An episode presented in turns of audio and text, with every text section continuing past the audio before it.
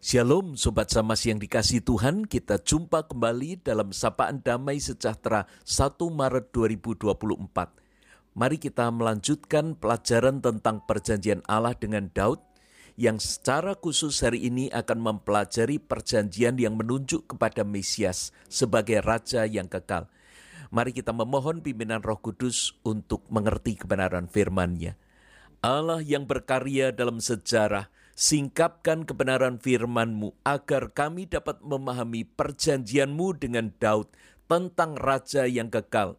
Sehingga kami boleh membuka hati agar Raja itu boleh memerintah di dalam kehidupan kami sampai selama-lamanya. Di dalam nama Yesus kami berdoa. Amin. Sobat sama, saya akan membacakan dua ayat firman Tuhan yang terambil dari 2 Samuel 7 ayat 13 dan 16. Aku akan mengokohkan tahta kerajaannya untuk selama-lamanya. Ayat 16, keluarga dan kerajaanmu akan kokoh untuk selama-lamanya di hadapanku. Tahtamu akan kokoh untuk selama-lamanya. Sobat Samas, benarkah kerajaan Daud akan kekal selamanya? Benarkah salah seorang dari keturunan Daud ini nantinya akan memerintah sebagai raja sampai selama-lamanya? Allah tidak mungkin mengingkari perjanjiannya dengan Daud, dan keturunan Daud benar-benar akan menjadi raja yang kekal. Mari kita melihat kedua ayat yang kita baca tadi. Ada beberapa kata penting. Yang pertama adalah kata keluarga. Ini menunjuk kepada Sang Mesias yang benar-benar akan lahir dari garis keturunan Daud. Lalu yang kedua adalah kata kerajaan. Ini menunjuk kepada bangsa yang akan diperintah oleh seorang raja. Dan kata takta itu menunjukkan kepada otoritas pemerintahan dari seorang raja. Sobat Samas yang dikasih Tuhan, kata selamanya itu menekankan tentang keabadian dan sifat yang tidak bergantung pada kondisi apa pun. Jadi perjanjian Allah dengan Daud ini akan terus berlangsung selama-lamanya. Kita boleh melihat di dalam perjanjian baru Matius 21 ayat yang ke-9 di mana ketika Tuhan Yesus memasuki Yerusalem, maka orang yang berjalan di depan dan di belakang Yesus sama-sama berseru, Hosana bagi anak Daud, diberkatilah dia yang datang dalam nama Tuhan, Hosana di tempat yang maha tinggi. Sobat Samas, puncak dari janji Allah bagi Daud dan keturunannya adalah munculnya seorang raja yang kekal. Dan itu menunjuk kepada Mesias.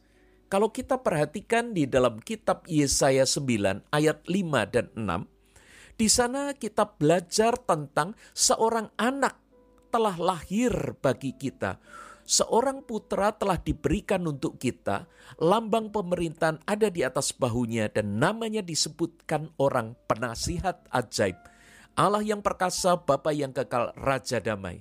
Besar kekuasaannya dan damai sejahtera tidak akan berkesudahan di atas tahta Daud dan di dalam kerajaannya.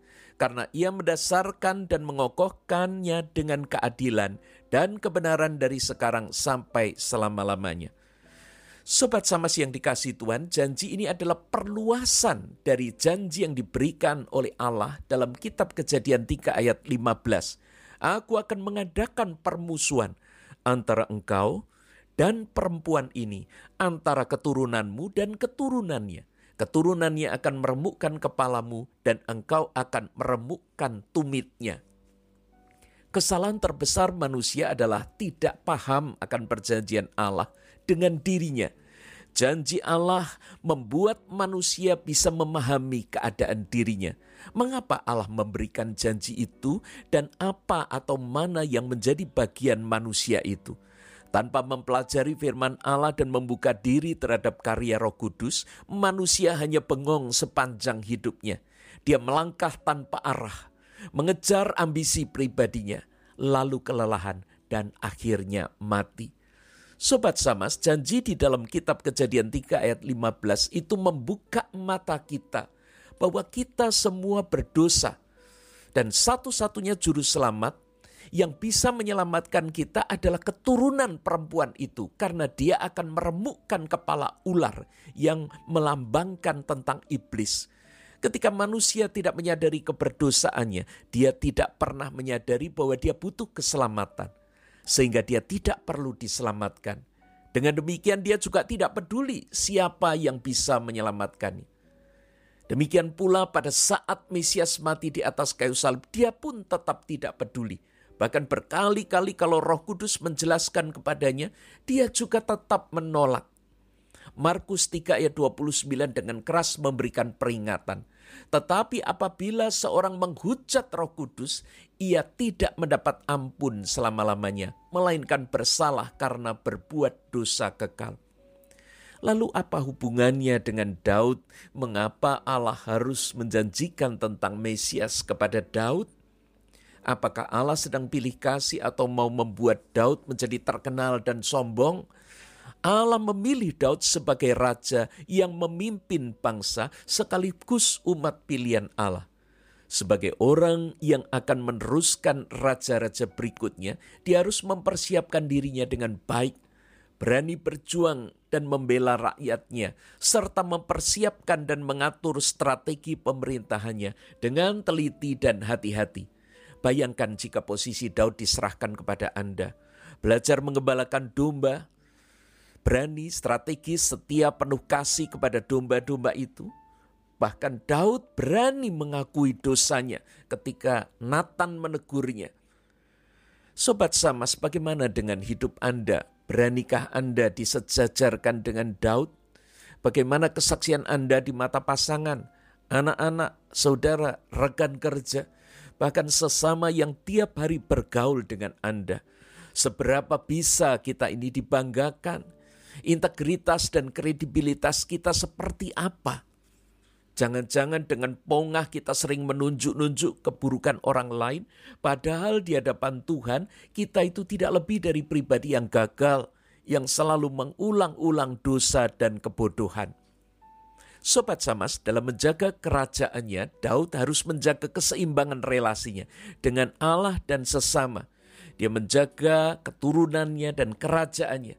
Dia mempertanggungjawabkan keturunannya agar tidak terputus kita mengetahui bahwa saat itu banyak raja-raja yang dibunuh kalah perang, bahkan keluarganya dihabiskan. Tetapi kita tahu bahwa Allah tetap melindungi Daud.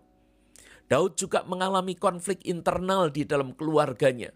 Pada saat Absalom mau memberontak dia, pada saat Absalom membunuh Amnon, ini terjadi di dalam keluarganya dan bagaimana dia bisa mengatasi itu. Hari ini kita menyaksikan para pemimpin bangsa yang lebih memperhatikan kepentingannya sendiri daripada kepentingan rakyat. Seharusnya seorang yang diangkat menjadi pemimpin bangsa menyadari kehendak dan rencana Allah yang telah memilihnya. Karena hal inilah yang akan menuntunnya kepada rencana besar Allah untuk waktu yang akan datang. Fakta menunjukkan sampai zaman kehidupan Yesus, nama dan tahta Daud tetap menjadi referensi sebagai bapak leluhur. Lukas 1 ayat 32. Ia akan menjadi besar dan akan disebut anak Allah yang maha tinggi. Dan Tuhan Allah akan mengaruniakan kepadanya tahta Daud bapak leluhurnya. Dengan setia Daud terus menjaga keyakinan serta menantikan janji Allah sampai akhir hayatnya Daud tidak pernah putus asa dan meninggalkan Allah serta semua perannya. Bagaimana dengan saudara? Allah telah menjanjikan sesuatu bagi setiap kita serta keturunan kita. Akankah mereka keturunan kita mengalami penggenapan janji Allah secara utuh? Atau kita sedang memotongnya, lalu kemudian menyambungnya dengan rencana pribadi kita yang sia-sia? Pelajarilah janji Allah bagi saudara Mintalah agar roh kudus menjelaskannya dengan rinci. Sampai saudara mengerti dengan utuh. Lalu pertek, pertekunlah memegang janjinya. Allah tak pernah ingkar agar kelak anak cucu kita tetap mengalami penggenapannya dan mereka dapat bersyukur karena kita tidak memutus namun meneruskannya. Mari kita berdoa. Allah sang penyelamat, Kami bersyukur karena Engkau mengutus Yesus sebagai juru selamat masuk di dalam kehidupan kami dan menyelamatkan kami. Kiranya dalam masa prapaskah ini kami diajar untuk memahami karya salib Kristus dan menghidupi keselamatan yang telah dianugerahkan. Dalam nama Yesus Sang Juru Selamat kami berdoa. Amin.